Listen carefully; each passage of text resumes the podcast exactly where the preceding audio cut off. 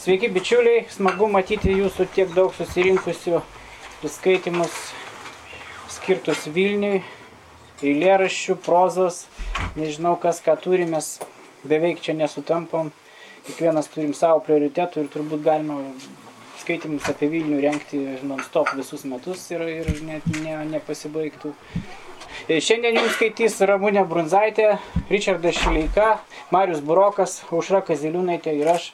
Benas Januševičius. Ir kadangi tekstų tikrai mes turime kalnus, tai nieko daugiau negaiždamas pamėginsiu pradėti. E, pirmiausia, aš pasimiau e, Petro Tarulio romaną Vilniaus rūbas. E, Petras Tarulis buvo vienas iš ryškiausių keturvėjininkų. Greta Binkio jie drauge leido žurnalą, rūpinosi knygų leidybą, jas apipavydalino ir, ir tai jo paskutinis e, publikuotas kūrinys, dar porą, porą stambesnių kūrinių jo liko nepaskelbta. E, Vilniaus rūbas yra toks iš tikrųjų įdomus e, kūrinys kalbos, kalbos tekstas, jis pirmiausia įdomus savo kalba, pasakojimo būdu ir, ir, ir, ir tik taip paskui, sakykime, tuo jau pasakojimu ir, ir personažu. Tai va, čia šiek tiek puslapių, keletas puslapių iš pradžios. Ne visada čia gyveno didieji Vilniečiai. Užtat mažieji vilenčiukai čia visada puikiai jautėsi. Margomis miniomis jie pripildo miesto gatves ir aikštės, paistosi, šūkauna ir džiaugiasi. Jie šią dieną ypač vertina. Kaipgi, juk dabar kermošius Vilniuje. Iš visų pusių įvairiomis gatvėmis, bandos jausmai pasiduodamos, minios tirštai susimetai pagarsėjusius Vilniaus turgus. Ten jau laukia smulkus pirkliukai ir tų minių linksmintojai jau turi parengę prekes ir visokiausius margosius žaislus. Tenai krautuvėlė siaura, kaip Vilniaus madas pamėgusios poniutės rankovė, arba šiaip priekystaliai surikiuoti eilėmis ir marguliuojančiais popieriukais papuošti. Kas nesidžiaugia senų laikų Vilniaus turgais? Čia galėjai akis paganyti ir stebėti spalvų žaidimą ir stebėti žmonelių dovanotinas silpnybės. Čia gyvairiausių prekių pilna, kokių tik tavo širdis pageidauja. O Vilniaus pirkliai iš senų laikų buvo žinomi savo meistriškuoju apsukrumu ir išlavintais sugebėjimais net abejingus pirkėjus pavilioti. Jų prekės čia pat prieš pirkėjo akis išdėstytos. Jeigu krautuvėje yra langas, tai prekės jį pripildo lyg bičių medus skorio akis, o jeigu lango maža, tai prekės durise styri, kartais tiesiog gatvėje pasieniais išdėstytos krūvomis sumestos, nes kiekvienas pirklys visada smagiai džiuojas, galėdamas akivaizdžiai parodyti prekių gausumą. Tad gali sakyti, jog pirkėjas čia negali likti abejingas ir nepaviliotas.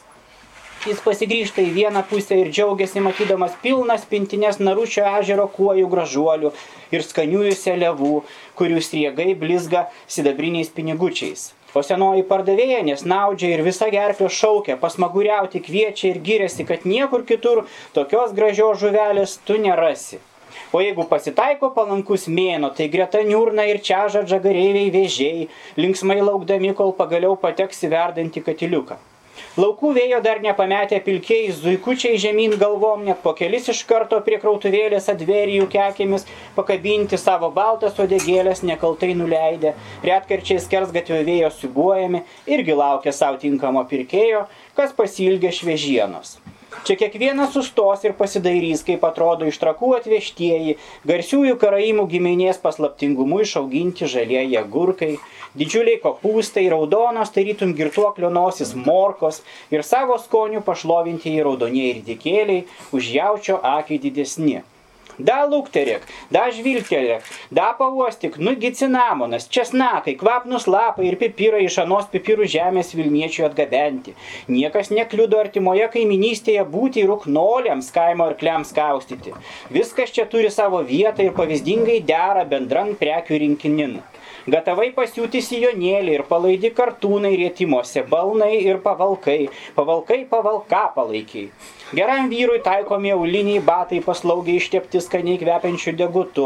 O ką pasakysi, kai pakreipė, sakysi, kairę rasi žvilgančius karoliukus vietiniams gražuolėms, kurių aplinkui čia tiek daug, tiesiog be skaičiaus.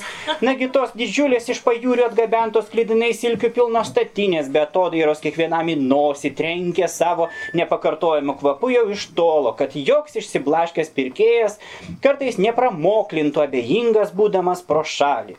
Vilnius visada išlaiko savo į stilių, tad jo turguje rasi ir tokias vietas, kur tradiciniai šventųjų paveikslai, stori giesmynai ir plač, plačiai žmonių apšvietai paveiksluoti kalendoriai pasiūlomi, kur pilnai mantrių pasakų ir priekin šimtųjų metų nebejotinų pranašavimų, kad ateis tokie laikai, kai pats Liuciperius ugninėme pečiuje žemėje važinės.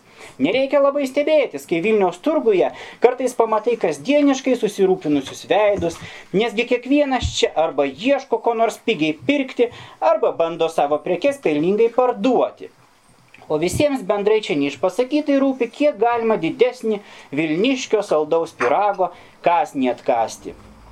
Ar kas laimėjo, ar netyčia pralaimėjo, galutinėje išvadoje niekas vis tiek nenusimena ir tuo tarpu džiaugiasi gavęs puikią progą šiame linksmame ir patraukliame turguje pasižmonėti, pavostyti viliojančių kvapsnių, paganyti savo nepasotinamas akis gausiais margumynais ir smagiai pasvajoti apie tą didelį malonumą. Ot, jeigu būtų galima turguje apšiai rodomus daiktus savo turėti, kad tik taviškis kišenius būtų pilnas pinigų.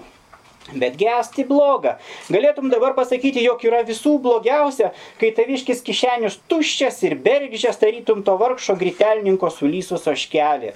Margame turguje visų pilna visokių sutvėrimų, kurių, ko, kokių kitur nei už pinigus nepamatysi. Netyčia ir visai atsitiktinai siubuojančioje minioje gali akimis užkliudyti pir, pirmo žvilgsnių nežymų, nieko iš minios neišsiskyrusi, kartais su visais šiandien ir ten besisukinėjantį neiškaus amžiaus vyrą. Liesas, ilgu kaklu, laibom kojom, į palaikį pirmutinę savo spalvos išsižadėjusi lietpalti susisupęs, tarytum po tuo apšiai vartojimo apsiaustų jis tengiasi save ir savo turinį nuo pašalinių nereikalingų žvilgsnių nuslėpti. Tokia jo laikysena, jog gali įtarti, tarytum jis bijo iš paskos išgirsti. Tai jis, tas pats, kaip nulupta pažįstu. O jeigu kas nors ims ir pirštų durs tiesiai į jį, Užtat jis bent savo paviršutinę išvaizdą stengiasi atrodyti kaip vienas iš šimto. Toks pat, kokį dažnam turguje kiekvienam žingsnėje gali sutikti. Jo amžius pasviro neiškiame dienovidyje, kai sunku metu suskaityti. Nežinia, kiek jau gyventa ir neaišku, kiek dar liko šioje žemėje plavinėti. Atėjo toks laikas, kai žmogui atrodo, kad jis laikosi vietoje, nesensta ir net kai nori gali savo amžių sumeluoti. Šitoks vedlūga. Toks, sakytum, ungurys šmėsterė šešėlių akimirkoje išsiraitys ir dinks neiškiame dumble nenusekamai. Jam rūpi, kad jį niekas nežiūrėtų, todėl jis lengvai kaip virbalas iki sielių slenka minioje neaišku ar sava kvalia, ar tos neramios minios šiandien ir ten nešiojamas, nevaminiai pasiduodamas, pasisuka kur tirščiau ir daugiau ermyderio kai žiūri jo nugarą, o žmogaus nugarą ar tu nori, ar slėpies, vis tiek viską pasako, jo nugara padeda suprasti jo gyvenimą, kur buvota, kas matyta, kur žingsniuota, kiek nusivilta ir nusiminta, o taip pat ir kaip daug kartų mėginta nepasiduoti, net dantimis krimsta, nagais ir krumpliais draskyta ir, ir vis ta vadinamoji laimė gaudyta. O ar laimėta kada nors? Greičiausiai ne. Jo lietpaltis menčių vietoje nuo ilgo nešiojama pageltės ir jis pats visas toks panešiotas, aplamdytas, tik tos akis vis dar neramios. Kai visas veidas sustingęs, tos akis atskirai juokiasi, jo akis vis ieško ir kreivomis įlomis duria, išduodamos jo nuslėp, nuslėpiamus troškimus. Apgalvotai sudėtos lūpos dažnai pajuda, parodydamos, kad jis nepatenkintas, o gal dėl jam pačiam neiškios priežasties dabar pasidarė piktas, jis dažnai irzliai pašnirpšia nosimi muisto kaulėtus pečius, gali manyti, jog jį erzina visi kiti turgaus lankytojai, kurie lygiai kaip ir jis pats čia atėjo nekviesti, bet žiūrėk, kaip visi linksmi ir net garsiai juokės, nerūpestingi kaip piemenys po mišparų. Gal jam labiausiai pikta, kad reikia trinti savo pečius su tais paprastais turgaus mėgėjais, kurių kiekvienas iš savo lūšnos atsinešė savotišką, o vedlūgai nesmagų ir svetimą kvapą. Dar bjauriau, kad tenka vis saugotis, ba, žiūrėk, koks juodnugaris numindžios tau koją ir neatsiprašydamas nukiulniuos savo keliu. Pikčiausia kitos neraliuotos minios abojumas. Nie vienas jo nenori matyti, niekas nepastebi, o jeigu kuris nors miesčionėlis jį pažiūri, tai dėmesio nekreipia, žvilgteri kaip į ištuštintą sotį. Pačiame ore pilna erzelio, nepradžiugins daug kartų lietuje išmirkytų milinių artumas, nei gausiai degutų tepti batai, nei birbinės, nei svetimųjų šūkavimai. Vedlūga. Tokiu vardu jis žinomas buvo ir ateityje bus prisimenamas. Vedlūga dažnai grožėdavo turgais. Jau pats oras jam būdavo smagus, nes dažnai jis pajusdavo, ar jam tik taip vaidenos, kad iš panerių atplaukia besirengiančius prokti pumpurų, neapsakomai jaudinanti dvelkimai ir tie apgaulingi pavasariniai pažadai. Daugybę kartų jis sekė pasikartojančią turgaus linksmą komediją. Vietiniai vertelgos, dėrybų įkarštie, įstringai šūkauja ir kiekviena savo padermį būdingų temperamentų priešingąją pusę visą jėgą įtikinėja. Bet tik visada atsitikdavo taip, kai vietinių papročių nežinodamas prašalaitis pradeda būkštauti, o štai peštinės neįvyksta. Išpeštų barzdų kokštės nelaksto ore. Dėrybininkai, kurie atrodė mirtinais priešais, negriebė vienas kito už krūtų, o visai maloniai nusišypso ir plačiuoju teatrališku mostu, garsiai pliaukšteri delnais ir viskas baigėsi gražiuoju. Nes taip reikalauja niekur nesurašytos Vilniaus turgų tradicijos, kurių niekam nevalia paniekinti. Ir čia atsiranda romano personažas, kuris iš esmės, na, literatūrologas Vygantas Šiukščius kadaise jis sakė, kad jis nepanašus į Benderį, man atrodo jisai panašus. Ir jisai, žodžiu, va taip eina, suprasdamas, kad yra turgui niekam nereikalingas ir, ir nori valgyti ir galų galiai jam gimsta išganinga mintis, kad reikia Vilniui čia iš tikrųjų nieko nepeši, na čia eina kalba apie tarpukario Vilnių okupuotą Lenkų ir kaip gal esat pastebėję, visuomet ta okupuota teritorija, jinai apauga tam tikromis legendomis, ten atsiranda kažkokių burtininkų, galinčių kažką pažadėti, padaryti. Ir jisai, žodžiu, e, susiveikęs iš kažkurios bažnyčios e, švento Stanislovo apsiaustą, po truputį jį ten sukarpo ar su laužo kažkaip gabaliukais ir, ir, ir nuveža į Kauną ir, ir į Kaunio puponės įtikina, kad jis turi stebuklingų galių ir kad, na, nu, žodžiu, jis praturtėja, ten sėkmingai prasisuka Kaune atvykęs iš Vilniaus ir kadangi Na, galų gale vis dėlto tai apgavystė, apgavystė anksčiau ir vėliau paaiškėja, tai policininkai jį supakuoja, bet nenorėdami skandalo, nes tai būtų labai, žodžiu, juokinga, kad kažkoks prašalaitis apmovė visą Kauno elitą, žodžiu, ir pardavinėdamas jiems skiautelės, reiškia, tai jį tiesiog gražiai palidėjo atgal į Vilniaus kraštą ir pasakė, gal tu čia jau ir grįžk į savo tą Vilnių ir daugiau nesirodyk, tai vat, maždaug taip. Prašau. Aš tai pradėsiu nuo Česlavo Milašo. Nieka tavęs mieste. E, vertė Rolandas Rastauskas. Nieka tavęs mieste negalėjau palikti. Ilgos buvo mylios, tačiau stumė mane atgal į šachmatų figūrą. Bėgau žemė, kuris sukosi vis greičiau, bet visada atsidurdavau ten. Su knygom trobiniai terbeliai, įbedęs akis į bronzinės kalvas už Šventojo Kubo bokštų, kur varganas juda arklys ir žmogelis malkus paskui plūga nebegyvas ir vienas ir kitas. Taip, tas tiesa, nesuprato niekas bendruomenės, anei miesto, Kinuliuks ir Helijos, Alperno ir Segalo iškabų, Vaikštinių Švento Jurgio gatve, pavadinta Mitskevičius. Ne, nesuprato niekas. Niekam nebuvo skirta. Tačiau, kai gyvenimas minta vien tik viltim, jog išauž diena, aštri ir perregima, tai labai dažnai skaudžiai gaila. Bernardinų sodas vergė, vertė Elgės Kalėda 1928. Nesuskaičiuojami Bernardinų sodo stebuklai. Ten per akmenį šiurena skubri Vilnelė. Už jos tūkso kalnai, trijų kryžių ir bekešo. Pirmasis pavadintas pagal tris vienuolius, kuriuos 14 amžiuje nukryžiavo pagonis.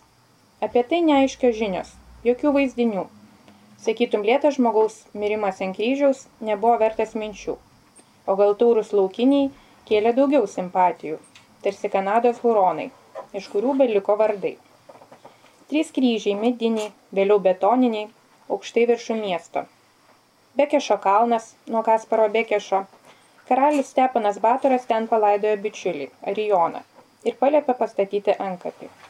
Trečiasis kalnas bokšto, senų medžių puokštė, Ten vingiuodama alėja ūksmingai lipa lyg bokšto griuvėsių. Net nežinojom, kad 1863-aisiais žandarai ten pasirinko vietą paslapčioms skerdžiuose laidoti pakartuosis. Taip Jūrs Rakauską, Lietuvos sukilėlių vadą. Iš pamokų bėgome į Bernardinų sodą, į pasimatymus. Kiek sėdinio pažino tie soleliai, kiek prisilietimų, kiek stangrių krūtų, kurios jų kažką reiškia tiems studentams ir panelėms, o dabar nereiškia nieko. Iš kur manie tas smulkmenų poreikis? Nesuprantu. Ar todėl, kad buvo nuversti trys kryžiai, uždėusti pavadinimai, kad Batoras net iš vardo būtų net pažįstamas, kad tie, kurie ten vaikštinėjo, prarastų savo materialumą, kad esu vienintelis, kuris geba sodą žodžiu paversti. Bet kam? Kokiu pamatu? Pamatų nėra. Įtvoriukas neriugyja ir ant jos keliauju. Sklendžiu nešamas vėjo iš spindinčio žemės ir draugės su manim dingstančių miestų pavydalai. Čia iš, iš Vilniaus į Vilnių rinktinės e, eilėraščio apie Vilnių sudarytos Aido Marčieno Alfonsas Nika Niliūnas. Žiemos melancholija. Galvoju, tavo žvilgsnis tasik buvo pilnas Vilniaus gatvių ir namų ir tavo juodas siluetas pleveno sienoje po medžiais. Bet dabar, kai sniegas, krintant mirusių rausvų blakstienų ir gelsvo rankų pergamento, nebežinodama, ar skausmas yra žodis, ar žodis yra skausmas, ar kūnas yra žodis, ar žodis yra kūnas, tu eini, be tikslo, užsniegta šventos onos gatve. Ir tavo mintis pasilenkia, ieško kelio į namus. Šiandien eidama pro Maniškos skverą kažkaip pagalvojau, kad labai liūdna ir labai pikta, kad ten buvęs e, vaičiūnai tai skirtas, na, skirta, skirta skulptūrinė kompozicijos nebėra, jinai kažkaip taip tyliai dingo. Judita Vaičiūnaitė. Kiemas su arkadomis. Paskui bus vėl pavasaris. Ir sniegas vėl sutirps, kaip klavesino garsas. Ir purvinas kiemų galerijas pripildys rūkas, mėlynas ir salsvas, ir nudažys padžiautas paklodes. Tas vienas vakaras, tas vienas kartas. Paskui nubluks, kaip rašalo dėmė ant paliktų stalų, kaip renesansas. Ir vėl kitai pasikartos šiaurietiškos, lengvų ledų aptrauktos arkos. Ir bus itališkas pajuodęs kiemas, panašus į mažą tuščią salę.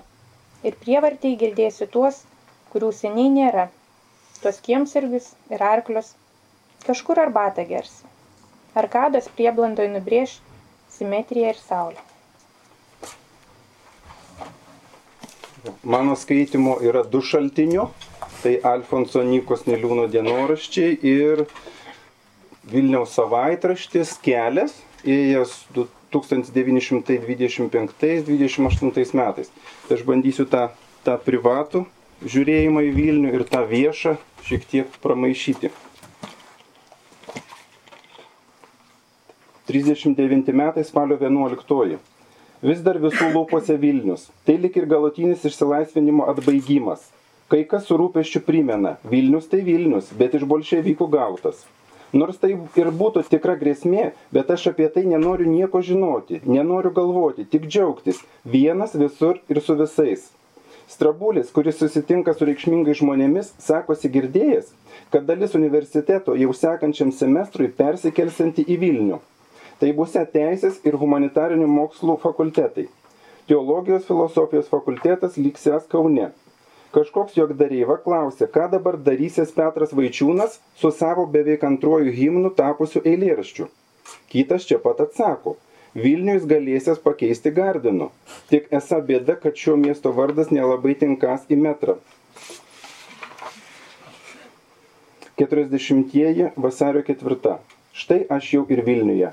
Apsigyvenau studentų bendrabučio, buvusio Dom Akademicki, Tauro 4-5 aukšte, su trimis kitais studentais, kurių vienas žemaitis ir du suvalkiečiai, visi trys teisininkai. Tai pirmas kartas mano gyvenime, kuomet turėsiu versti savarankiškai. Buvo atvažiavęs Gediminas Jot iš Kauno. Jis kaip bajoras turys daug giminių Vilniuje. Tad prieš sugalvojant ką nors kitą, turėjo juos vizituoti, įteikti laiškus ir kitą. Visur ėjome abu. Dauguma jų buvo lenkiškai kalbantis ir lietuviškai jau nebemokantis lietuviai. Visi labai mandagus, visi trenkė naftalinu. Niekur nebuvo nei vieno jauno žmogaus, išskyrus fotografijas Lenkijos karininkų uniformomis. Paskutinė lankyta senutė, gyvenanti neturi Bonifratrų, Švento kryžiaus bažnyčios, be ne Gedimino senelės pusėserė, sėdėdama fotelėje po didžiuliu paveikslu Bitva Patmagenda, smarkiai išbarė savo giminaitį, kad šis labai blogai, bardzo žle, kalbas lenkiškai ir pati ėmė berti lietuviškai. Iš pat ryto su Kaziu Umbrasu į Vytautų Mačernių ėjome į antikvariatą, literatų skersgatvyje. Po ilgų dėrybų už pusę užprašytos kainos nusipirkau prieš pirmąjį pasaulinį karą Maskvoje išleistų Gogolio raštų penktą ir šeštą tomą. Išėjus pradėjo snigti. Ir per trumpą laiką gatvės, namų stogai, visas Vilnius, net ant vėlų tupinčios varnos, apsidengė tyriausio baltumo marška ir tyla. Savaitraštis kelias. Uždaryta cerkvė. Liepos 17 dieną Vilniuje žvėrino priemesti policija uždarė ir atspaudus pridėjo ant durų pravoslavų cerkvės. Mat ten rinkdavosi pasimelsti rusai senotoriaus Bogdanovičiaus šalininkai, kurie nenori pripažinti Lenkų pravoslavijos. Policija.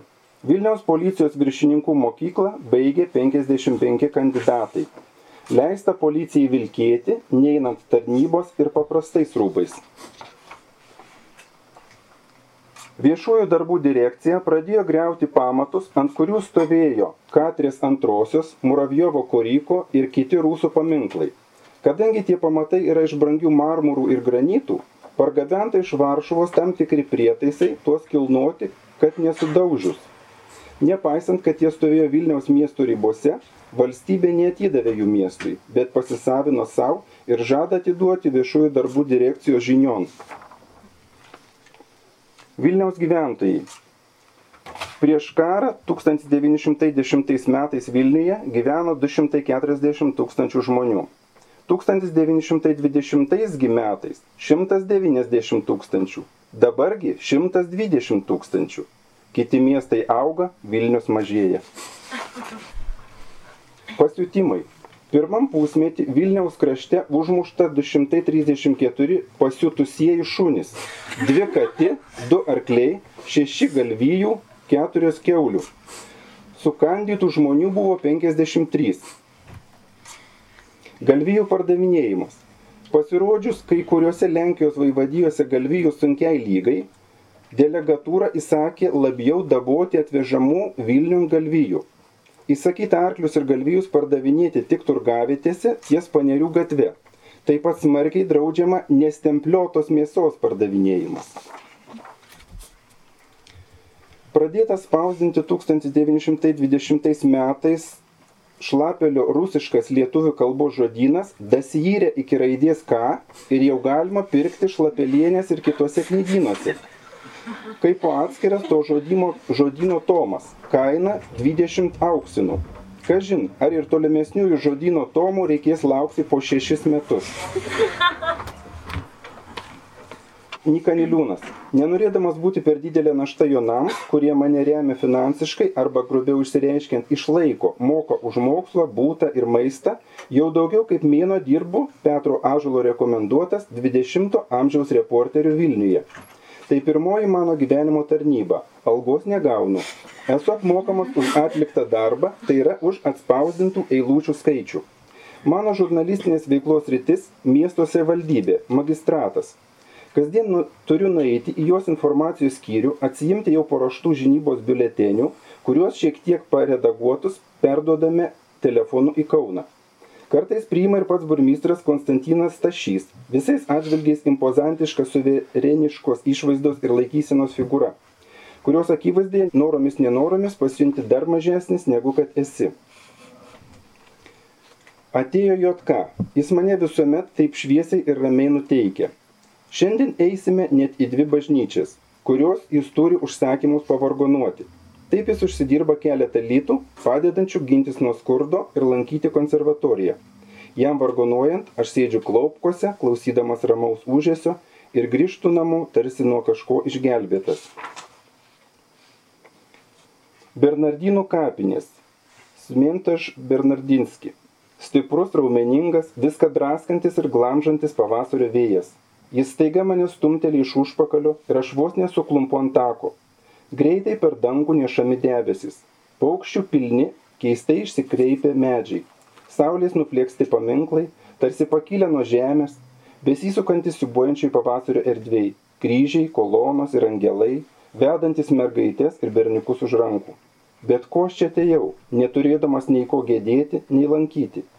Vėjas dar kartą stumteli mane ir bėga kvatodamas, o aš grįžtu siauromis gatvelėmis, tarsi kažką aplankęs, išpildęs kažkieno prašymą, beveik neliesdamas kojomis žemės.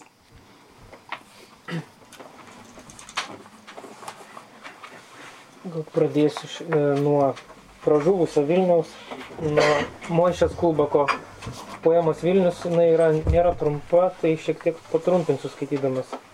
Vilnius.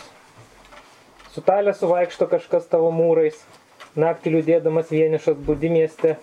Įsiklauso, seni pereinami kiemai ir šventyklos aidi lik apdulkėjus užkimus širdis. Tu esi psalmynas iš geležies ir molio. Kiekviena siena melodija, kiekvienas akmuo malda kai liejasi mėnesiena į kabališkas gatves ir iškyla tavo stingdantis nuogas grožis. Liūdėsys tavo džiaugsmas buvo su gilių džiugesys choro dermiai, tavo šventės būdynės ir tavo paguodas spinduliuojantis skurdas, lik priemesti vasaros tylus ūkai. Tu esi Lietuvonis statytas tamsus talismanas, apipintas kerpiam ir samanom pilkom. Kiekviena siena pergamentas, kiekvienas akmuo šventas raštas, išdėlioti mislingai ir praskleisti nakčia. Kai ant senos sinagogos sustyręs vandens nešėjas, stovi ir barzdą užvertęs skaičiuoja žvaigždės. Tu esi psalmynas iš molio ir geležies ir pasklydę klajoja tavo blunkančios raidės. Moteris lik bandelės, vyrai stangrus kaip rastai, žvarbios slaptingos barzdos pečiai lyg iškalti ir akis judrios pailgos kaip luotai upiai. Tavo žydai prisidabrinės silkės vėlumoj mušasi į krūtinę, o Dieve, nusidedam, nusidedam. Spokso mėnulis pro langus, tarytum balta akis, ten skarmalai baluoja sukabinėti ant virvės, lovose kūdikiai guli, geltoni glitus vikšrai. Ir merkščiai jau pusiau nagų kūnai kaip lentos. Rūstų tavo žydai tarp gatvių siaurų ir rušių, stingsta nebylios jų kaktos nei sinagogos sienos. Ir antakiai samanoja, lik virš tavo grįvėsių stogai. Tu esi psalmynas ant laukų parašytas ir kaip varnas gėdu tave menulio šviesoj, nes Lietuvoje saulė netekėjo niekada. Liūdėsys tavo džiaugsmas buvo su gilių džiugesys choro dermiai, tavo tylusis pavasaris juodas, kalas iš mūrų medelis, iš sienų žolė, iš senmedžio šliaužia apsnūdę peleniniai žiedai ir kyla iš lėto nuo žemės purvinos dilgės, vien apmirusių sienų šaltis ir nešvara, bet pasitaiko nakčia, kai akmenį džiovina vėjelis, artėja gatvė sidabruodama užsisvajojus būtybę, užgimus iš skaidriausios Vilnies ir menulio spindulių, tai Vilija atsikėlė, miglota ir vėsi, ir daily ir nuoga su ilgom gaivinančiom rankom įžengė į miestą. Išsikreipė žiūri langelį akli ir tiltukai permesti tarp bekalbių mūrų, o niekas durų netidarys, neiškiš galvos pasiteiraut, ko reikėtų persišviečiančiai grakštuoliai. Stebisi kalvos aplink ir bokštai barzdoti. Ir tylu, ir tylu. Tu esi Lietuvonis statytas tamsus talismanas ir žmonių pavydalai vos matosi tavo gelmiai. Tolimai properšai balti spindintis gaonai, pastangų nugludinti kaulai, smailus tvirti, plėninio bundisto raudoni karšti marškinėliai, pažyla bergelsonas skubantis mėlynas mokinys ir jidiš kalba, ažalo lapų vainikas ant šventiškai kasdienių vartų miestan. Pilkšvaidiš, tai spindesys primerktuose languose, tai aš kaip keleivis prie šulinio pakelėje, sėdžiu ir jo širkščių garsų klausausi. O gal tai kraujas taip garsiai konkuliuoja manyje. Aš miestas esu. Tūkstančiai durų į pasaulį, jie apskretusią šaltą mėlynę, stogai virš stogų. Aš pajuodus liepsna, godžiai laižantis sienas ir svetur žeruojantį aštrioje litvako akyje. Aš pilkuma, aš pajuodus liepsna, aš miestas. Ir ant senos sinagogos sustyręs vandens nešėjas. Stovi ir barzda užvertęs skaičiuoja žvaigždės. Vertė Alfonsas Bukontas. Dar viena Juditos Vaičiūnaitės. 6 val. ryto, kai dar uždaryti ir laikraščių kioskai ir pieninės. 6 val. ryto Vilniaus geto gatvelėse skleidžiasi pienės. Gatvė auksiniai dulkėti žiedai, lyg geltonos pražydusios žydiškos žvaigždės. Trykšta plyšiuos iš poskeldinčių plytų, kur požemių angos, kur šiurpiai išvaizdžios arkos, pajuodusios gilios tarpuvartės, kur tebetvyro česnako žuvies, tvaikas iš kiemų rusių ir iš griuvenų. Skleidžiasi pienio auksiniai šviesrašiai, 6 val. ryto. Geltonas spindėjimas plūsta į akliną uždarą purviną kiemą, kur užmirštas žydo šešėlis, gal meldžias, gal prakeiksmas kužda. Taip. Tai iš tikrųjų aš labai mėgstu šį autorių, Albymantą Matsku, jeigu kas nors iš jūsų žinot, kas nežino, tai rekomenduoju labai pasidomėti. Ir iš tikrųjų labai nudžiugau sužinojusi, kad Matskaus vaikystės dalis antroji prabėgo Vilniuje dėl to, kad jis lankė pradžios mokyklą šiame mieste. Ir nors priešingai negu mano kolegų tekstuose negirdėsite primiktinai kartojamo žodžio Vilnius, bet e, klausydami šį tekstą turėkite omeny, kad jis buvo parašytas apie Vilnių, tai yra apie vaikystės miestą Matskus. Vėliau, kaip žinia, Matskus e, emigravo, iškeliavo į Ameriką ir ten gyveno. Miestas. Vieno daug keliavusio žmogaus aš kartą paklausiau, kurie miestai yra didžiausi. Jis man atsakė, miestai sutikti vaikystėje. Mes seniai išsiskyrėm, tik mūsų nuotoli kiekvieną nostalgišką vakarą atsiveria tavo gyvos akis Tavo blakstienos paliečia mano prisiminimų lūpas. Ir aš kalbu žodžiais, išsineštais vaikystės rankomis. Aš grįžtu atgal į vaikystę, į mirusi miestą, kurį laikas apklojo anglim ir žuvusių namų greučiais. Siauroj stiklo gatveliai, kaip aukso žvakydės dega miesto akis neužspaustos mirties nei laiko. Kodėl mes negalėjome palikti, susijungę tik akimis? Kodėl mūsų sielos turėjo susijungti rankomis? Kiekvieną vakarą, kai jaučiu savo likimo tikrovę, tu ateini iš ūkanų, iš tolimo laiko, tavo bokštuose skamba varpai tavo aikštėse renkas kuklus miesto šventieji ir tavo kiemų labirintuose vaikšto mano vaikystė. Ne, mes niekada nebuvom išsiskyrę. Mes nesuskaitėm žvaigždžių degusių virš miesto. Mes dar nepažinom savęs. Į seną miestą tvinksta laikas. Į seną miestą grįžta šmėklos Į seną miestą grįžta prisiminimų lūpos. Į seną miestą tiesia rankas mano vaikystė. Mes niekada neišsiskyrėm, tik raudono aksomo uždangoj verkia baltas laivas. Kitas tekstas jau mano, nebe Matskaus. Bet jo pavadinime yra žodis Vilnius. Tai dėl to tinka šitam skaitimui. Lietus Vilniuje. Duopkasiai palengva iškasa miestą. Nuleidžia jį užkaltus mus. Ir beria ant viršaus lietų. Iš pradžių saujomis. Vėliau kastuvais. Dar vėliau tiesiog tylėjimu.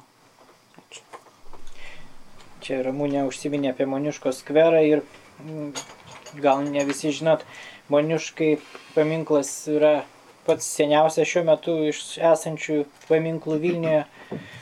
Ir mm, tokia viena detalė, kad postamentas, e, ant kurio yra Moniuškos biustas, prieš tai buvo naudojamas Puškino biustui prilaikyti. Tai va tokie apdairų žmonės kadaise gyveno.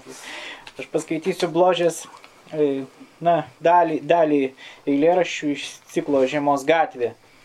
E, nesunku suprasti, kad iš tikrųjų Tai žiemos gatvė turime omeny vasaros gatvė ir vienas iš čia esamų tekstų skirtas tapytojui Dobilui Pigagai, su kuriuo tuo metu jie matyt susipažino.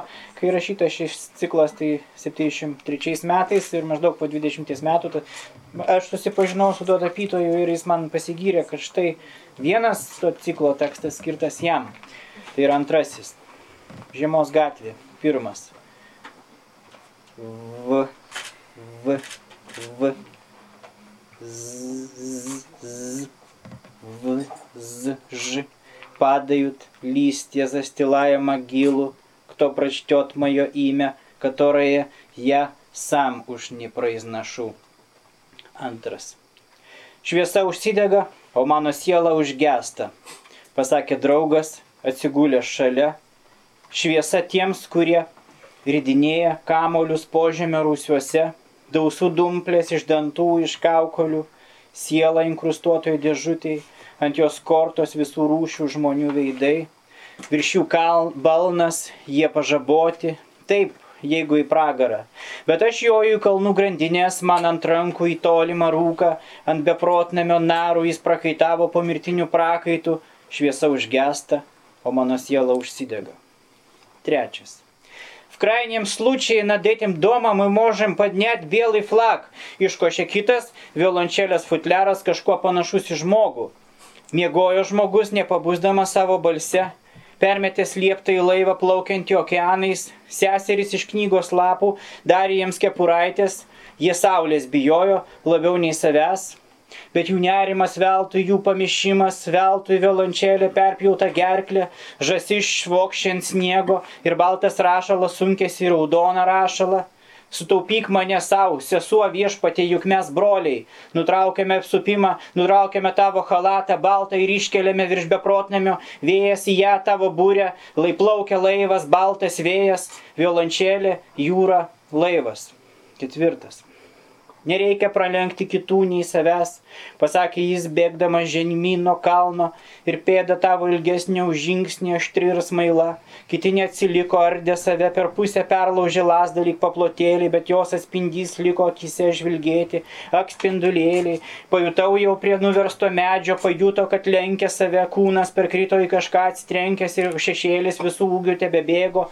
Dabar taip lengva įkvepiu baltą saulę, iškvepiu jo šešėlį, kuris lenkia ir ir lenkia mane. Penktas. Žiemos peizažas. Pro šakų ažūrą, trapus sausainis juodas, ir tu ateini ir žiūri, rausvas žvilgsnis liečia mano ranką švelniai tartum su ašara, ir gaila man tavęs atėjusios prie to namo, padėti rožę, kuri nuvyto ir nubirėjo, keliais kasniais viską surijo naktis. Atleisk, jeigu aš neturiu jau nieko, kas mane pateisintų, degraduoja, ruduo mano sieloje, girdėti knarkimas, palata miega, Kas pirmas, kas antras, kas trečias iššoks pro langą, iš kur jie klausia, o aš pažįstu tavo rankas, pažįstu. Liūdnas akis, žemė, nedirbama, nemylima, nevaisinga, žemė, nuo kurios užsidarė savy, nuėjau. Septintas. Galva guli ir ilsis, ir paukščiai suskrenda ir šokinėja po šakelės, šokinėja po galvą ir tu padedi švelnes rankas ant jos, o aš nueinu savo, kur po tiltų garlaviai praplaukia ir kluotojai ir renuariškai grakštų šventiniai rūbai ir virš visko neša kelneris padėklą ant jo vaisiai, gundantis, atstumiantis vaisiai, kurių negalima suvalgyti, neša galvą ant to padėklo. Aš nueinu, nežinau, kad nėra mani nieko, turiu išplėšti visą tai, kas atvedė tave čionai, kad liktų tuščias padėklas gražiai sudėvėtas dėvėtas karstas, atimk iš manęs ateitį, atimk plytų spalvą, atimk paukščių lengvumą, atimk kalnus, kurie yra laisvė, numirti arba gyventi. Aš padedu ant paveikslo vinėlį, bičių spiečių ir keturias meškerės, visas, sudė sudė, rankos suspaustos, sudė sudė pro groto plyšius, sudė sudė matyti tolimas miestas, sudė. 11. Mano marškiniai su ligoninė štampu, paži, klausa pažeista, likščioliai jaučiu, kaip vaikšto kūnas po mano sielą, Galbūt einu į ratų ir sustoju, kur eglių šakos ties pirke, arba jūra nebetalpantį į paveikslą, audros metu išsiliejantį. Pastovėk šalia manęs, tu irgi savo patarnauji, ne Dievo, tarna savęs, esi štampas tavo marškiniuos, tik sieloje jų nėra.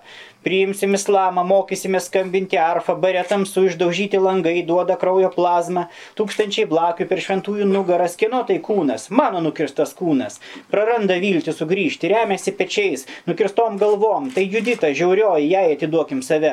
Aš jos jau seniai neturiu, nukabinu paveikslą, mano prasmenį išaiškinta Ibn al-M, mano aš stiklinis, aš duštantis, išgerk iš manęs, išliek mane, išsaugok mirties grožį, apgink. Paveikslas liks sieloje, plazma tekės iš akių, rėmai platės ir platės, rėmai sujungia mus į vieną paveikslą.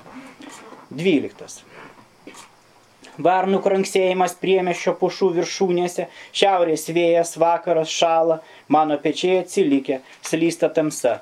Nuo debesies, o tu stovi prie vartų ir virki, nes šaltas vakaras ir varnos lange nutolsta. Kas ateis? Labas vakaras, mesie gogenai, labas vakaras, tai ne aš. Aš tik laukiu ir skaičiuoju iki trijų. Trys varpinės, trys veidai, trys ašaros. Baltas sniegas iš lėto krinta, pradeda pustyti, neša sniegą rankomis vėjas supjaustytas. Vėjas prikaltas prie deimanto, gamta atkuria vėl save, išeina mažas krosnekurys, pila į vežimėlį anglį, maišo anglį su sniegu. Susimaišė, varnų kranksėjimas su tavo rankomis, susimaišė sniegas ir anglis, prabėgo daug metų mums atsisveikinant. Oboliai ir miegas natiurmorte, kur šalia spinksulė, žila galva, apkabink savo savo atmintį visą, ką pakėliai, išgyvenai, tik atsimeni, kaip viskas tolima, kaip tolimi mes nuo savęs, kokius atsimename, ne tuos gyvenimo metus, visai ne tuos, ne tuos. Aš kažkada atėjo galva tokios eilutės. Prisiminsiu, tiksliau perskaitysiu. Čia bažnyčių šviesa prasmingesnė už šviesą bažnyčios. Ir galvojot, kieno čia tas tekstas, gal gal Juditas Vaičiūnaitės, nežinau, bandžiau googlinti, neradau, paskui žiūriu sėkiai televizorių, kas būna retai, o ten Aidas Marčienas skaito šitą eilėraštį su šitom eilutėm 1994 per poezijos pavasarį, kai jis tapo laureatu. tai Aidas Marčienas Vilniaus turgus. per vartus įdardėjus palikti savo akmenį, grįsti šito miesto gatves. Visa kita tik smėlis ir molis. Įkvėpimo nedaug ir geriausias papjaus alkoholis, bet juk reikia įžengti, vienas įkiu juk reikia išdėsti. Čia susikerta laikas, išsitrina logikos dėsniai ir erotikos žaismas tai reiškia tik pradžią košmaro. Susapnuota mieste, kur ataidinčia Vytauto dvaro, pleitų muzika gožia, kioskelių pasenkos ir pesnius. Nedėrėtis aš čia, tik spoksoti išplėtus veizolą, nebiliųjų tarme, taip griuvėsio saulėgraža žydį. Aš tą gėlę mačiau, aš jaučiau Vilniaus angelo skrydį ir skolas gražinau, bet yra negražinamos skolos. Austi iš miesto gėlių, kokią gotikos dulkę įpinti. Čia bažnyčių šviesa, prasmingesnė už šviesą bažnyčios.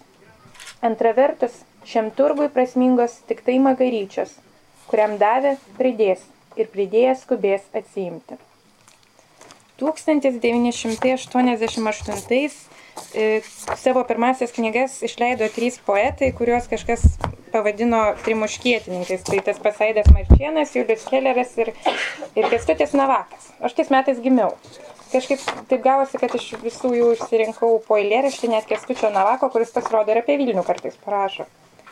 Kestutis Navakas. Dainava Kempinis staliukas. Nekviesiu tavęs net valsui, orkestrui pritrūks akordų. Many tuštuma likūrnai. Klausi, kas neįvyko? Toliausia sielos Norvegija, savo prisiplėšus fjordų. Čia visat gali paklysti. Nesiūs pas mane laivyno. Tiek būgnų ir vario, kogi mano tyla parūpo. Šalia restorano langas, miestas už jo sutilpo, Nudžiuvo diena nuo gatvių, vynas nuo tavo lūpų ir vakaras dėvi Vilnių, vakaras Vilnių tildo. Julius Kelleris. Balandžiai ant paplaujos tilto. Jie žiūri, kaip sniegas krenta, kaip langas prasiveria auštant, kaip vyras vienplaukis rūko, į kalną kaip šuolį palaiptais. kaip džiaugsmas netyla, kol vaikas pagauna tą pirmąją snaigę, šešėlis, kol kerta fasadą ir girgžda langinių medis.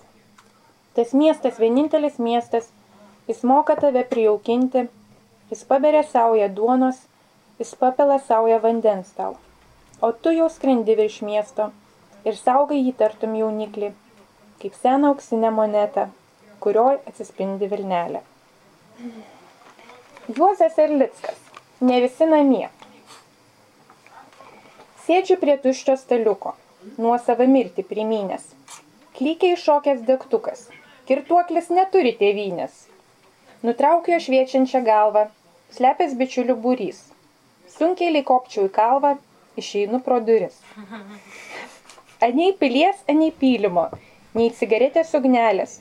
Kur jūs, moterys mylimos? Visos po knygų lapeliais. Kartais kartojasi kartai, snaigės kaip viešpatės gaidos, aniai aušros vien tik vartai, aniai marčieno tik aidas. Vietos palikit istorijoje, kur aš, kokioj geografijoje. Pastumė sieną istorijos, lieka sniegė fotografija. Koks čia rajonas, koks laikas, kur čia ryšys, kur Antanas, tartum vidurnaktį vaikas, verkia sukniubęs fontanas. Krinta ir krinta tas sniegas, dažo baltai naktį juodą, aš neturiu ponai nieko, sniegą parduodu. Sėskis nematomas tu, raidės mus skiria, snaigės mus riša, paskambinkit mano lizdu, vien tik baltais klavišais. Taip, paskaitysiu iš Manto Gimžausko. Mes už knygą sumokėjom. Be incidentų neapsivieni skaityti. Taip, tai paskaitysiu Manto Gimžausko du eilėraščius. Vilnelis kilpa ant kaklo. Tavo kaukoliai raitoji policija. Ir nuo vyno ciklonų šlapia saulėlydis. Nugenėti medžiai, panašus į nuorukas. Giliotinuotas pavasaris tau tarp pirštų. Kalnai už Vilnelės kaip tavo kvepavimas. Jie sunkus ir po smiltelę byra žemyn, pieždami kardiogramą su trim pliusais kreivės viršui. Tavo siela pagavo srovė ir išnešiojo visoms Vilniaus patiltėms. Buda ją pastebėjo ir atsidūrė blaivykloj. Liko tuščia, kaip Sareikiškių parke, iš lėto leidžiantis lietui.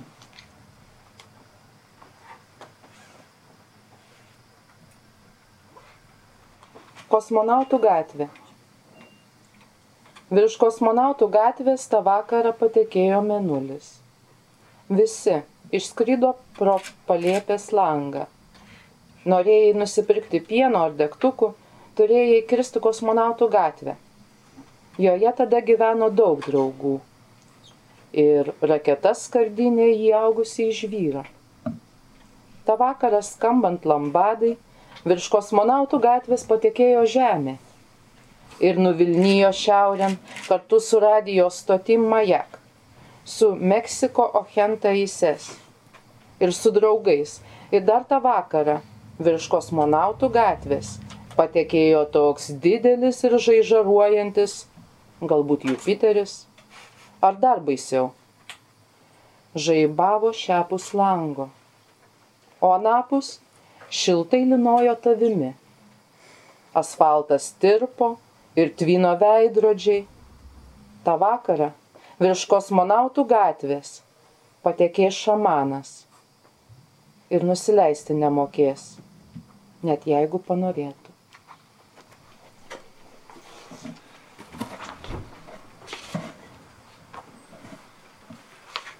Taip, Alfonsas Nyka Niliūnas.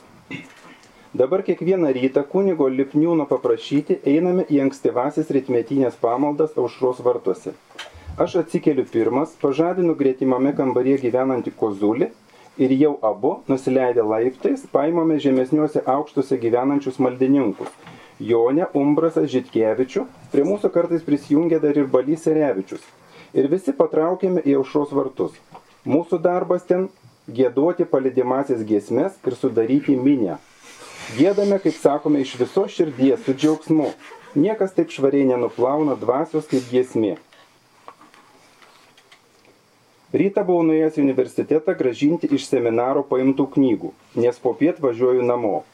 Išeinant iš kiemo į Švento Jono gatvę, moteriškas balsas lenkiškai sako Zosiu, pač, žolnežė Rosijski.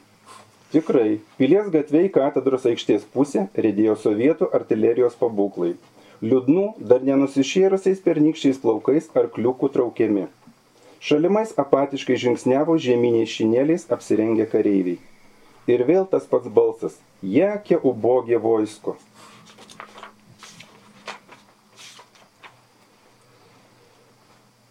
Visame studentiškame gyvenime, kas anksčiau buvo nieks, tas dabar tapo visko. Sudaromi įvairūs sąrašai. Visi laukia dar vieno iš bendrabučių pašalinamųjų sąrašo.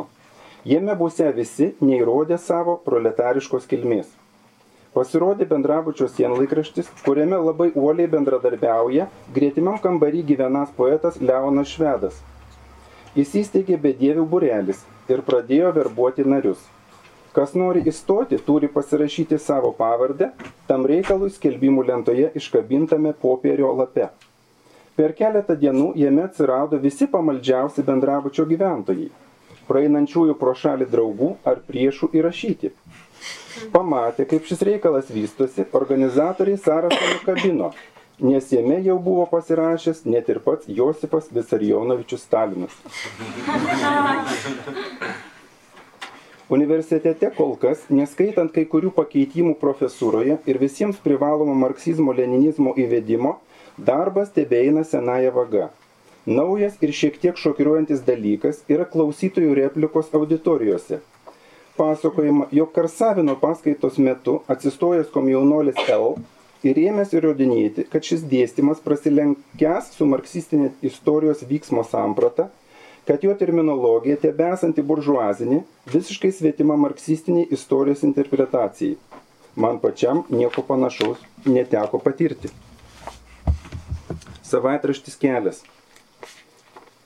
Buvo karo valdžios uždrausta netitarnavusiems vyrams kariuomenės vesti. Dabar išaiškinta, kad tokie leidimai bus lengvai duodami, jei bus nurodyta, kad vedybų reikalauja ūkis ar šeiminos padėtis.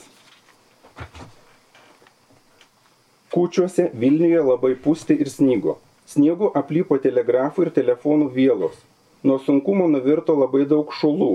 Pačiame Vilniuje kai kuriomis gatvėmis net važiuoti negalėjo. Vietomis buvo elektros sprogimų su žaibais ir trenksmais. Daug kalėdose kalbėta apie nelaimę su žmonėmis, bet didesnių nelaimių rodos nebuvo. Pereitą sekmadienį Vilniuje įvyko komunistų demonstracijos. Demonstrantai su raudonomis vėliavomis dainuodami internacionalą išėjo iš Makabi salės ir pasuko Zavalinien gatvin. Čia juos patiko policija ir pradėjo vaikyti. Drąsesnieji nenorėjo išsiskirstyti, bet raitoji policija juos taip puolė, kad kai kuriems net gerokai teko. Yra sužeistų ir areštuotų.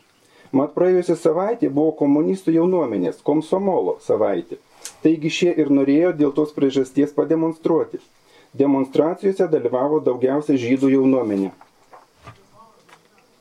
Vilniuje kasdien darbininkų ir šiaip jau neturtingų gyventojų padėtis diena dienon blogėja. Pirkliai ir bankai bankrutuoja, darbininkai lieka be darbo, oi sunki bus žiemūžė, zloto vertė labai sviruoja.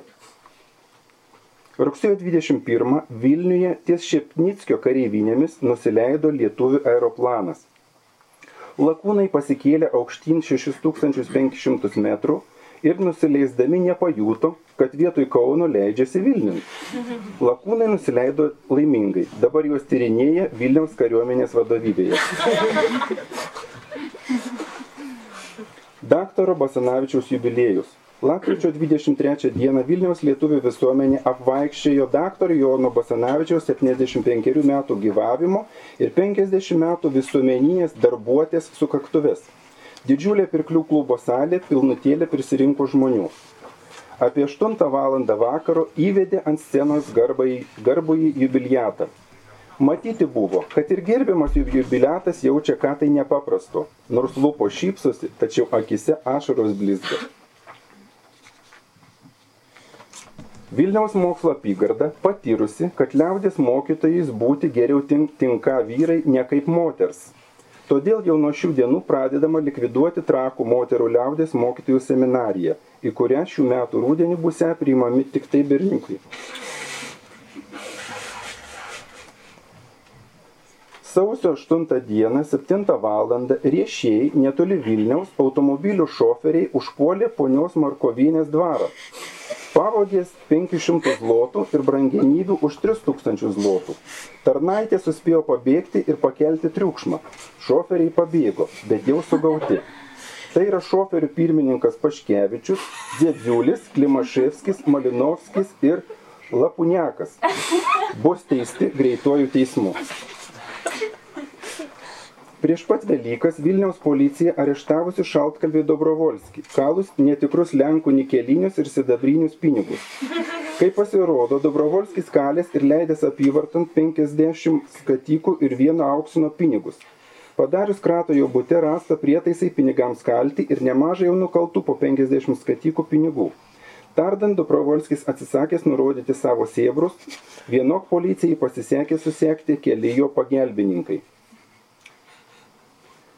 Kasant griovį kanalizacijos reikalams, aušros vartų gatviai ties numeriu 25 geležinkelio pusiai užtikta senų mūrų liekanų ir išmūryti požemiai. Apie tos požemius rusų komisija šitą tyrinėjusi dar prieš didįjį karą. Manoma, kad šie mūrai bus tie patys, kurie yra pažymėti viename likusiame 1602 metų žemėlapyje. Radiniu susidomėjo Lenkų archeologai, kol kas jis mažai ištirtas. Sigitas Geda. Užrašas Vilniaus herbe. Aš senas karalius, bajorų bajoras, aš Vilniaus herbe išdidus Kristoforas. Ten pelinčios pilys, putojantis sniegas, ten švento Kazimiero armijos miegas. Nusinešė viską upelė šventa, beliko mana, žalia plaukė galva. Ir sergėje guodžia mane per naktis didžiulė raudona, apvaizdos akis.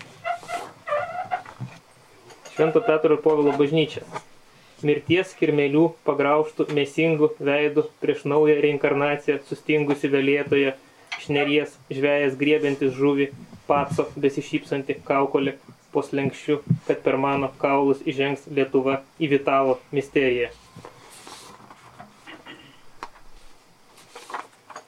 Raštelis iškritus iš studento kišenės. Vilniaus etmonas Mykolas Pacas, uždėjęs baroko karūną Lietuvai ant galvos, pats atsigulė po slenkščiu, vyskupas Steponas uždraudė, bet lietuviai vis vien į bažnyčią įjodavo su žirgais, ypač laidojant, juk arklys niekad nemina ant galvos. Ta žinojo ir tauro studentai, 1956 traukė baltą kumelę į viršų. Girti jau. Jonas Trilkūnas. Rotondos atminimui. Ten, kur būta pavėsinės, kur patamsi poros trynės, šiandien grotos metalinės, temstančiam skvere. Tik lapija vietros peša, tik lietus už kaklo laša spalio vakare.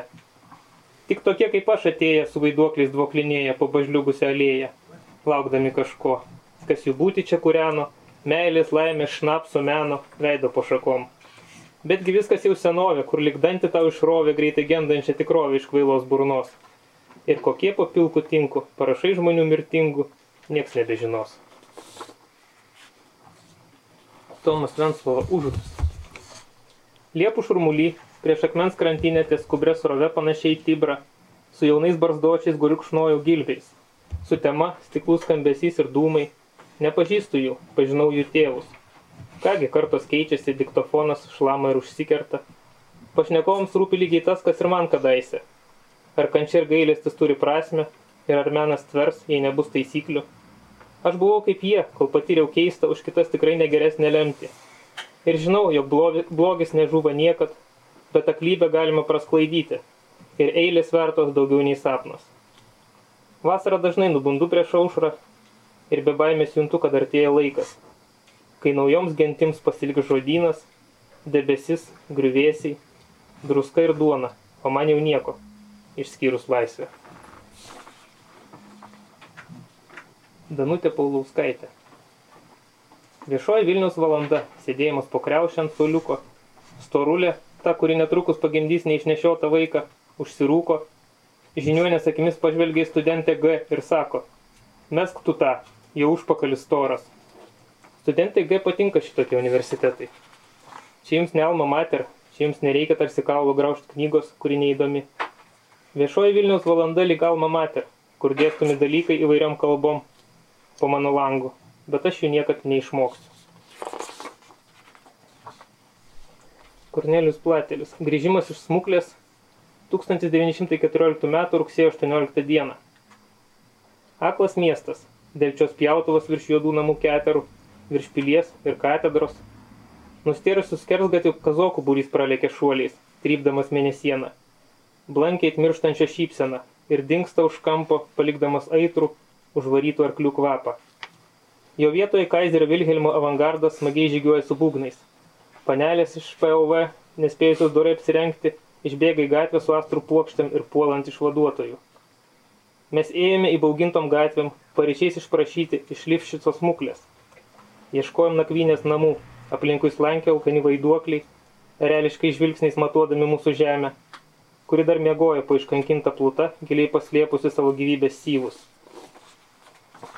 Tik į vakarą kažkuriam name, atokiau nuo įvykių, radom prie žvakės sėdinti Joną Basanavičių, apsuptą frygų kareivių. Jis tylėjo, sučiaupęs lūpas. Paskutinis. Raimondas Jonutis, žemyn subačiaus gatve. Kur nesustos paskutinis autobusas, ten mūsų stotelė, o naktis beje, tarytum nežinomo žvėries kailis. Švelniai prisiglaudęs, šoku su tavo pirštinė, žemyn, vis žemyn, vis žemyn, ir staiga matome, kaip pro misionierių bažnyčios bokštus kyšteli rupūžės kartumo aušra. Čia prieš prasidedant skaitimams su Richardu išsiaiškinom, kad esam du tokie tarsi savotiški medžiotojai, bet mes tikom ne, ne, ne gyvūnų, o kapinių. Jis tikom abu Bernardinų kapinių, kada juose pražys sylės, kad nufotografuot. Nes iš tikrųjų, jeigu nesat buvę, O jeigu ir esate, tai po kelių dienų būtinai nueikite į Bernardinų kapinės, tai ten bus tikrai labai labai gražu. Kestutis Rastenis. Rokantiškės, kapinės, vasara, ten kadaise lankiausi su ją. Dabar iš viso to liko tik prisiminimas.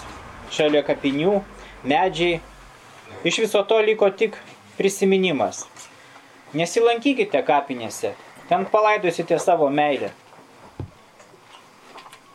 Romas Daugirdas, diptikas geležinis šuo. Skirta Vilniui. Pirmas. Tik po tiltu būdėt šalia užblokuotos Vilnies, kur nieks nepavoks paplavų gintarinių karolių, senvagė žvirgždas be skausmo atims nekaltybę ir išmokys nerodyt žaizdų, Viskas ten už svetimo lango, kur iškrypėlis rodo prarasto laiko likutį.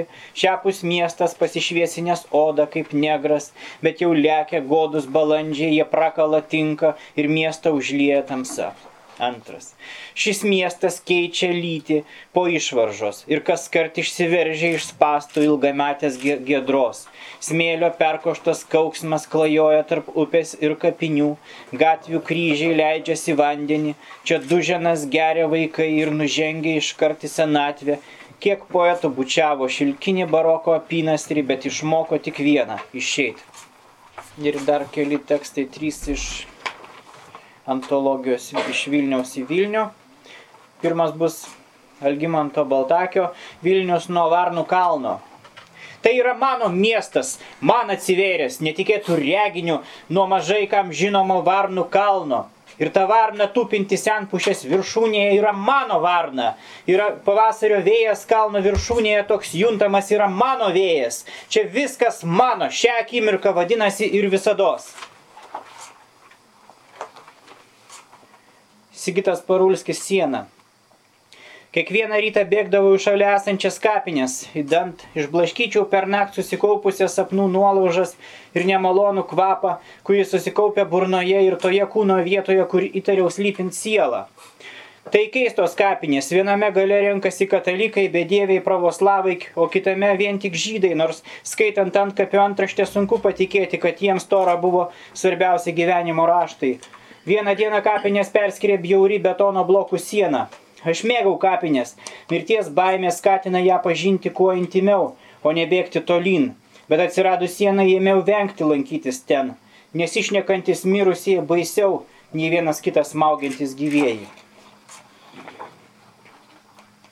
Na ir pabaigsiu vėlgi Kestučio Rastenio tekstu. Gėjus iš Amsterdamo. Kartą prieš dešimt metų keistose ženkluose prie manęs prisėdo senyvas Olandas iš Amsterdamo važinėjantis motociklu po Europą, prisistatęs esas gydytojas psichiatras, rašas knygą apie homoseksualizmą ir pats esas homoseksualas, biseksualas, asistentės esą nieko, bet tikroji aistra vyrai. Pasakiau, puiku, bet kodėl tai man pasakojat, aš esu tradicinės orientacijos vyras ir tai manęs tiesą sakant nedomina. Todėl, kad jūs irgi gėjus. Ne, aš nesu gėjus. Kodėl taip manot? Todėl, kad sekmadienį vienas sėdit kaviniai. Toks jūs čia vienas. Todėl ir prieėjau prie jūsų. Aš mylėjau nelaimingai vieną moterį, su jie gyvenau du mėnesius ir jinai mane paliko, bet aš jos negaliu pamiršti. Skambinu jai, kartais nueinu prie durų naktimis, ji grasina man policiją, žada uždaryti mane į beprotnamį, o pati išvažiuoti į Londoną. Tarp kitko, vėliau exactly taip ir padarė. Planinga moteris. Jūs tiesiog nežinot, kad esat gėjus. Tarp mūsų šnekant, esat nekaltas gėjus. Jūs savęs dar nepažįstat. Viskas jums prieš akis. Jūs būtumėt normalus vyras, nors ir mylėtumėt. Per keliarius metus nepriklausomai nuo valios gyventumėt su kitom. Po dešimties taip ir padariau ir jos nebemyliu. Šito jį nesuplanavo. Atvažiuokit į Amsterdamą, ten turiu namą, galėsit pagyventi porą savaičių nemokamai, iš jūsų nieko nereikalausiu, tiesiog pažiūrėsit, kaip gyvenu, susipažinsit su draugais ir draugiam, bendradarbėm įdomiai praleisite laiką, tikrai nesigailėsite, paskambinkite ir parašykit emailą. Štai mano vizitinė kortelė. Ačiū. Goodbye, it was nice to meet you. Pleasure indeed ant vokiško motociklo nuvažiavo trakų gatvė ieškoti homoseksualų po visą Europą, o aš rimtai susimaščiau. Kas žino, gal tikrai esu nekaltas gėjus, nors myliu moteris. Bet su juom vis nesiseka, varinėja mane nuo savęs, pardo raganos mane kaip šūnį visą gyvenimą, gal vėl negrėptų nuvažiuoti pas tą pederastą, gal ten suraščiau savo laimę, tik vabėda mane gundo tik moteris, net prisilietimas prie vyro sukelia pasišlikštėjimą, o apie meilę vyrui Geriau nekalbėti, geriau gal išgerti vyno, nors ir esu blaivininkas.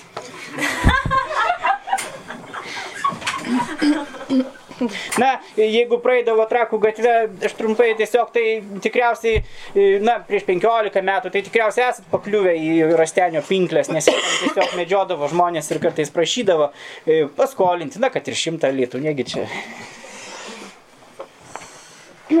Dabar savo paskaitysiu nau, naujų tokių tekstų iš ciklo Upė.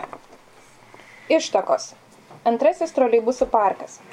16 maršruto troleibusas su nareliu vardu ciklas pramerkė savo vienintelę akį. Pirmasis troleibusų parkas. Antro maršruto troleibusas vardu upė nusižiovauja. Vairuotoja balnoja upę, švelniai šluosto šonus, pereina per saloną, surenka užsilikusias šiukšlės Tikisi, kad šiandien upė į vidurius nieks neįrėš jokio necenzūrinio. Upė ir ciklas pasiruošę pradėti maršrutą. Kita stotelė – Raudonojo kryžiaus. Gimiau Raudonojo kryžiaus ligoninėje. Man buvo penkeri, kai tėtis pateko į Raudonojo kryžiaus. 1993. Tais metais į Lietuvą buvo atvažiavęs popiežius, gatvės atitvertos nuo šaligatvių, juose susigrūdė žmonės spaudė prie širdies paveikslėlius ir kryželius – laukė Jono Pauliaus antrojo. Mama vedėsi mane už rankos, kažką pasakė policininkui ir jis mus praleido. Kas po avarijos matė tėčio automobilį, stebėjosi, kad vairuotojas liko gyvas. Po keliolikos metų gerdavom Raudonojo kryžiaus ligoninės kieme, šalia rašytojų sąjungos, jungdamiesi į girtuoklių sąjungą, sveigia vienybė. Kas rytą prabudus, einu prie lango pasižiūrėti, ar ten nestovi mašina su raudonu kryžiumi Naktį tėvo dieną, pernai, piešiau atviruką. Jame liūdnas žvejys, gaudė ketvirtą savo gyvybę. Šiame tėvo dienos išvakarėse rašau šitą eilėraštį. Mano tėtis yra katė. Tėti, tėti, kiek gyvybių turi? Kiek dar liko?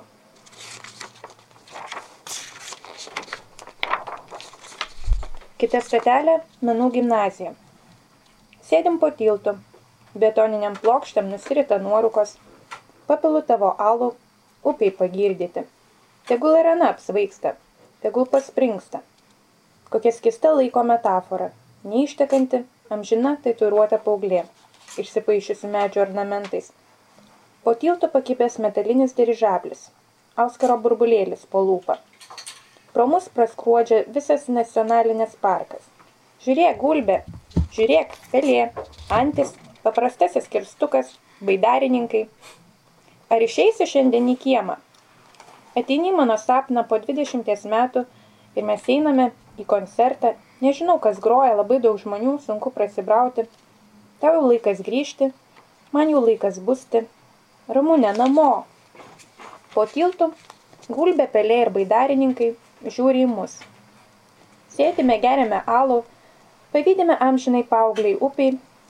Kaip man tave įsirašyti? Kaip nukirpti šitos upės gabalą ir įsirašyti kasetę, kad galėčiau sukti ir sukti ją magnetoloje, kol juostelė sutrūks. Upė mus pratekės. Žiotis. Kita stotelė troleibusų parkas. Paskutinė maršruto stotelė. Miesto upė yra troleibusas, kas rytį centrą jo įteka, prabūdė mėgamųjų rajonų žmonės. Kas vakar nuovargis, išteka atgal. Čia ciklas ir upė gulasi į ingarus, čia upė praryja savo uodegą, čia baigėsi ciklas, akį užmerkė ciklopas.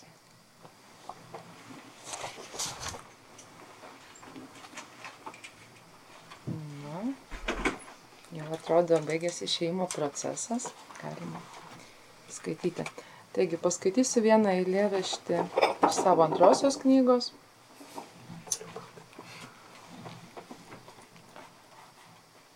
Tai galėtų būti pažadas. Atrasiu tave, kalbėdama apie tamsaus medžio demoną, pirštų rodydama į besileidžiančią saulę, žaisdama konkorėžiai šabo metu. Ta akimirka tu mirsi. Visose seklelėse, tuščiuos kambariuos netoli televizijos bokšto kai eterį klaidžios ištinusios ryto dvasios. Kurį laiką net taurės nesnustovės ant kojelių. Umai užsimanė prisėsti, umai išgirdę balsus. Per daug nuodų, per daug nuodų, per daug nuodų. Iš jų buvo išgerta. O iš tavęs, mano draugė, jau vėlu per maldauti kelių vyšnių krūmų augančių ant vieno apleisto piliakalnio dievą. Vėlu atnašauti kraujo aukas gėlėtų užuolaidų viešpačiui. Per vėlu eiti miegoti, žinant, kad po mirties paliksi savo namus, draugus, giminaičius, arba juos kažkas ims ir nugriaus. Kaip ten bebūtų, liksi benamis.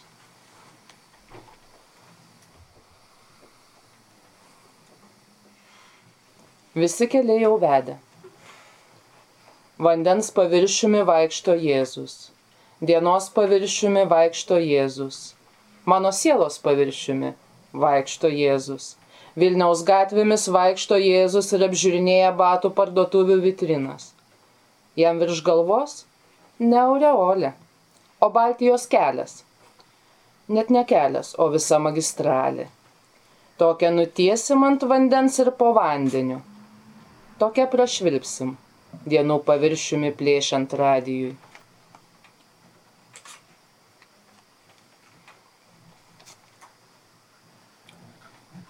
Gyvenu gerai. Visos upės nuolat teka į jūrą, tačiau jūra niekad nėra pilna. Koheleto 1.7. Šią naktį gatvėse rūkas toks tirštas, kad negali matyti praeivių, anei savo paties pirštų galiukų. Jis auga ir nokina pilkus vaisius, apglėbia ir nepaleidžia. Čia visos formos panašios į mirties nuotakas. Pati geometrija, vos įbrydusi šią upę virsta dėmėm ir patvinsta. Bet gal ir gerai. Visai neblogai. Išgerti dėmes ir dainuoti šešėlius. Matyti šiek tiek daugiau nematant. Gal ir gerai. Visai neblogai. Kad šią naktį mieste šitoks rūkas. Lai pabūna šiek tiek, lai patvyro. Nes rūkui dingus, išsisklaidysim ir mes.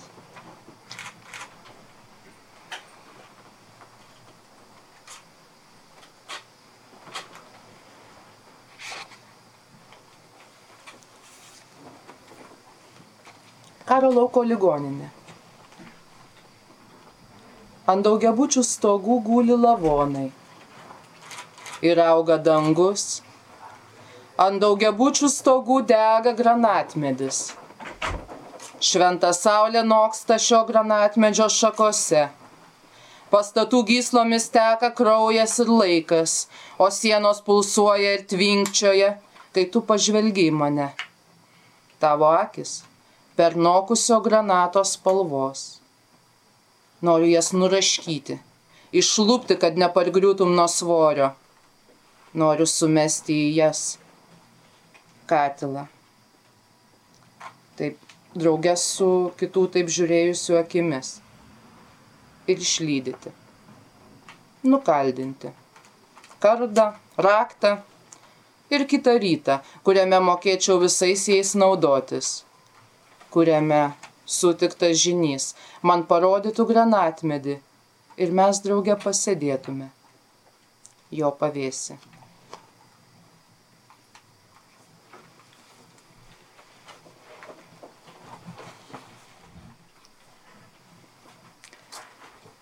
Iš neoninių iškabų pastatytas miestas. Sienos apauga puliniais jie sproksta, geltonas skystis, kraujas, laikas, nemiga, varva sienomis.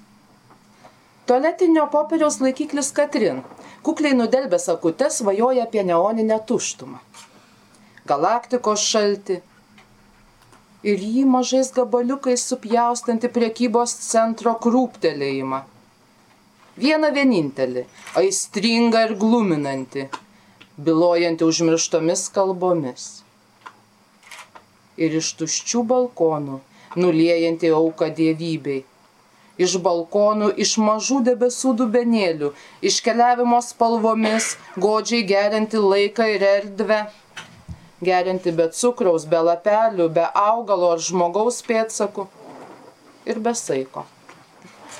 Tai va, ir dabar paskaitysiu tekstą, kurio galvojau, internetas man taip ir neduos paskaityti, bet vis dėlto duos. Tekstas vadinasi taip. Vilnius yra užtvanka, ne tabletė. Kai užlies tvanas, išliks tik viena leidikla. Ta, kurioje naktimis nuo kėdės ant kėdės šokinėja ninzė, trankosi į sienas ir pašėlusiai šoka ir šoka pašėlusiai kuri šalis skraido knygos, girdisi juokas, tekila keičia škotiškas viskis nors škotai ir neatsiskirs nuo didžiosios. O viskis užleidžia vietą dar vienam apreiškimui. Kai atslūks tvanas, liks tik viena leidikla. Ta, kurioje Saulėje ant nugaros tebe vyksta 1871 Paryžiaus sukilimas. Tarpuose tarp dainų gali girdėti komunarų šūkius. Mes visi kartu ir atskirai susikibę rankomis suprakaitavę mesnojus, kuris išgirdo kvietimą, bet niekada nepastatė laivo. Mes besišypsantis nojus. Mes Darius, kuris išėjo namo, mes Marija iš gaisro išnešusi šamano užrašus, mes Aira ir Viktoras, gyvendami miškose išgirdę visus paukščius. Mes Justas paleidęs Neil Young dainą iš Dedmeno, mes kitas Viktoras, dvi dienas per savaitę dirbantis Minske, mes Povilas ketinantis įvesti stalinistinę tvarką Kasparo virtuvėje. Ir mes Kasparas, šiandien grįžęs iš Londono.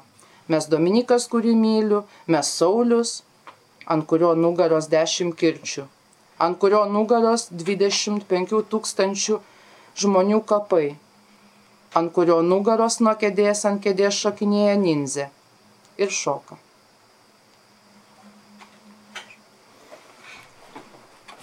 Alfonsas Nyka Niliūnas, 41. Pereitą naktį praleidom Kalvarijų Trinapolio apylinkėse. Į Vilnių grįžom tik auštant. Gatvėse negyvos dvasios. Eidamas per katedros aikštę visai netikėtai sutikau apsimiegojusi Umbrasą.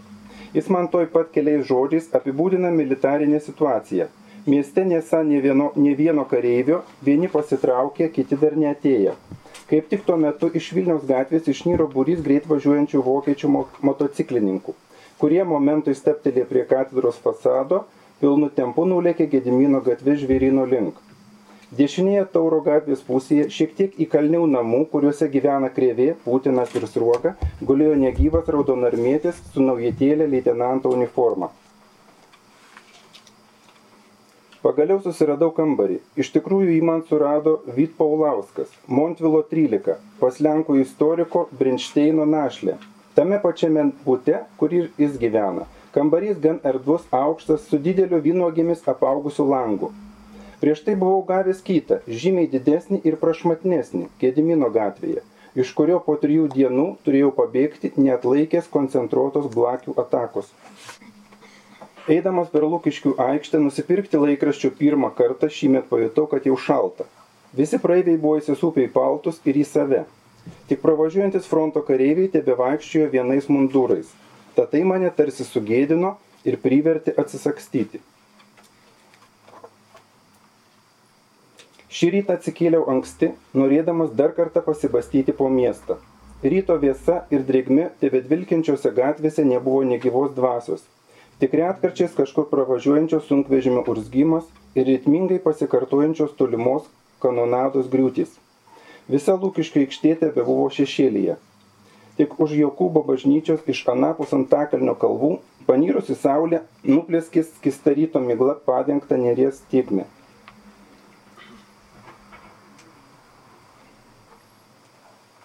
Nuo bokšto gatvės aukštumos žemyn tiesiasi viena nuostabiausių Vilniaus panoramų, kuri prieš penkerius metus mane taip pritrenkė savo mistiniu realumu. Ištisas miškas bažnyčių, tarytum rūščiai šaukiančių tavo apginimo. Savaitraštis takas. Kelias.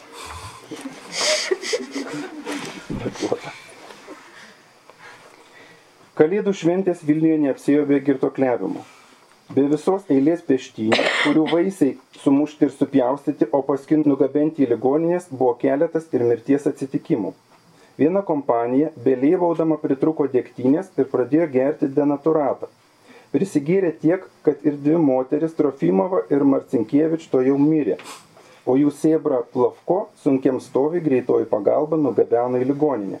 Taip pat mirė prisivizitavusi dėktynės 65 metų senė Antanina Šturienė.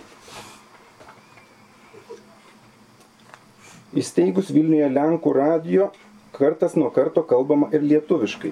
Žinoma, yra grinai agitacinės kalbos, kai pavyzdžiui kviečia, turbūt iš nepriklausomos Lietuvos, atvykti pažiūrėti aušros vartų, na ir kartu gražių Vilniaus moterių.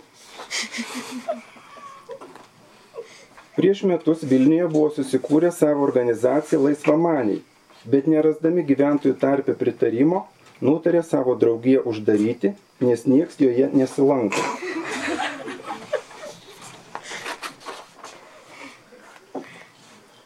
Šio mėnesio 10 dieną išėjo iš Vilniaus du Lenkai - Klemisievičius ir Skabovskis, pėsti Lydos linkui. Jie pasikėtinė pėsti apeiti aplink pasaulį. Kelionės ilgumas numatomas 64 tūkstančiai kilometrų. Keliauninkai mana grįžti 1935 metais. Vilniaus vaivada išleido parėdimą, kuriuo įsako visiems vaivadijos torastams remti aukų rinkimą Adomo Mickevičiaus paminklo pastatymui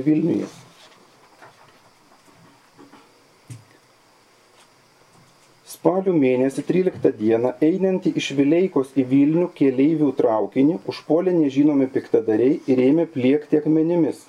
Traukinys pagreitinės bėgi ir pasprukęs. Vilniaus mokykloms švietimo kuratorius užgynė renkti šokių vakarėlius. Gyvenimas parodės, kad iš tokių vakarėlių maža naudos, o dažnai vakarėliai žemindavę mokslo įstaigas. Kažin, ar dėl salių neturėjimo leista dar porą kartų daryti vakarėlius provincijos gimnazijoje. Vanduo Nerio upėje išplėšė ledus ir pakylo dviem metrais aukščiau. Ar tai dėl pinigų stokos, ar dėl nelenkų gyventojų daugybės Vilniaus krašte, gyventojų surašinėjimo nebus. Daug valdininkų buvo pasamdyta ir priruošiamojo darbo padaryta ir visa niekais nuėjo. Taip šeimininkaudami skatyko nesusitaupys. Lukiškių kalėjime buvo subrūsdę politiniai kaliniai ir net priejo prie badavimo. Dabar jau nustojo badauti. Sukrūtė demonstracijas daryti ir nusikaltėliai. Jos numalšino policija.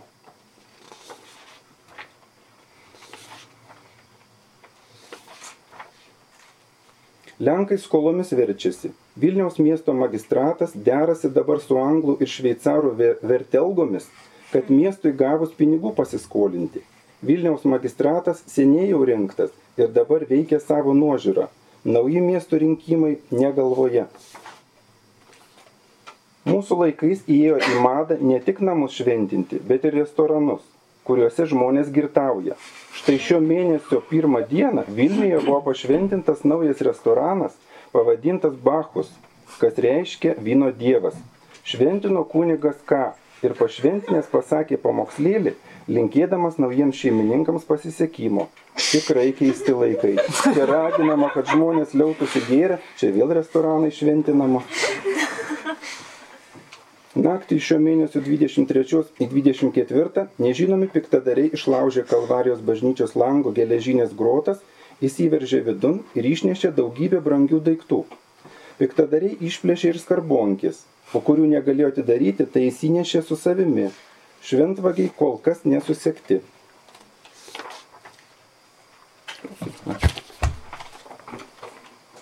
Porą savo paskaitysiu. Easy Rider Važiuočiau tamsoj, liepsnos autobusu, pro stoti pilna nemigos klipatų, pro priemešius su apkasais ambrazūrom ir dzotais. Važiuočiau ramiai rusendamas ugnies akvariume pro daugiabučių riekės, dantis rakių obolius boluojančius tamsos tirščiuose. Regėčiau, kaip susiskleidžia miestas gėlės kumštuku, kaip krūta ir vėjas smėlėtos jo požemių šaknis. Važiuočiau liepsnos autobusu, tolyn, gilyn, į siaubingą gamtos svetingumą, drėgną prieglobstį, gurgiančias samanas Važiuočiau matuoti šalto ir šlapio drabužio, atsigulti veidų, jaidinti kupolą, išdegti. Miestelėnai, seno eilėraščio reversas. Mieste karnavalai ir dainos, nelaukia niekas rytojaus. Lietus, gatvės sausakimšos košė po kojomis. Paskubom mes visi paliekame būstus. Isteriškai šypsomės, perkam dešras, droštus šaukštus, lipnius gaidelius. Nežiūrim į viršų. Vengiam akių, vokčiam dairomės, tempiam iš paskos vaikus – Kas mes, miestiečiai, išėję į šventę? Beginkliai, plėšrus ir godus, mandagus ir bailus, mūsų geras dėžutėse, kulnuose mūsų širdis. Nes rytoj, ne, ne, nebus jo, nereikia galvoti. Nes rytoj uždaro vartus, uždangstų Dievo motinas nuplėšo padangtas, nes rytoj mūsų skirsto į raudonus ir mėlynus, nes rytoj mes kipsim artimui savo į gerklę. Kadangi skaitau paskutinis, tai Ir paskutinį eilėraštį Rolandas Rastauskas. Eiti namo. Reikia eiti namo pro bažnyčių prisodrintą dangų, pro išalusias išėdas ir iš balkonų išspirtas eglės. Reikia eiti namo savo kūnai tempusit lanką, pro girtuoklių stotis ir vitrinų šaltas ugnelės.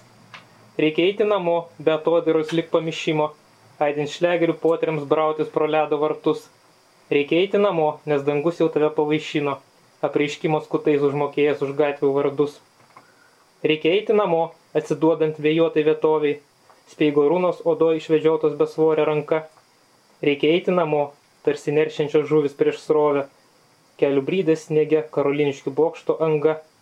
Reikia eiti namo šitą kryptį atpasakos knygos, jas ir vėl kada nors mokiniai po pagalviais laikys. Reikia eiti namo, kol rakštis danguje neįstrigus. Vėliavėlė purve, kraujo lašas, žiemos taikinys.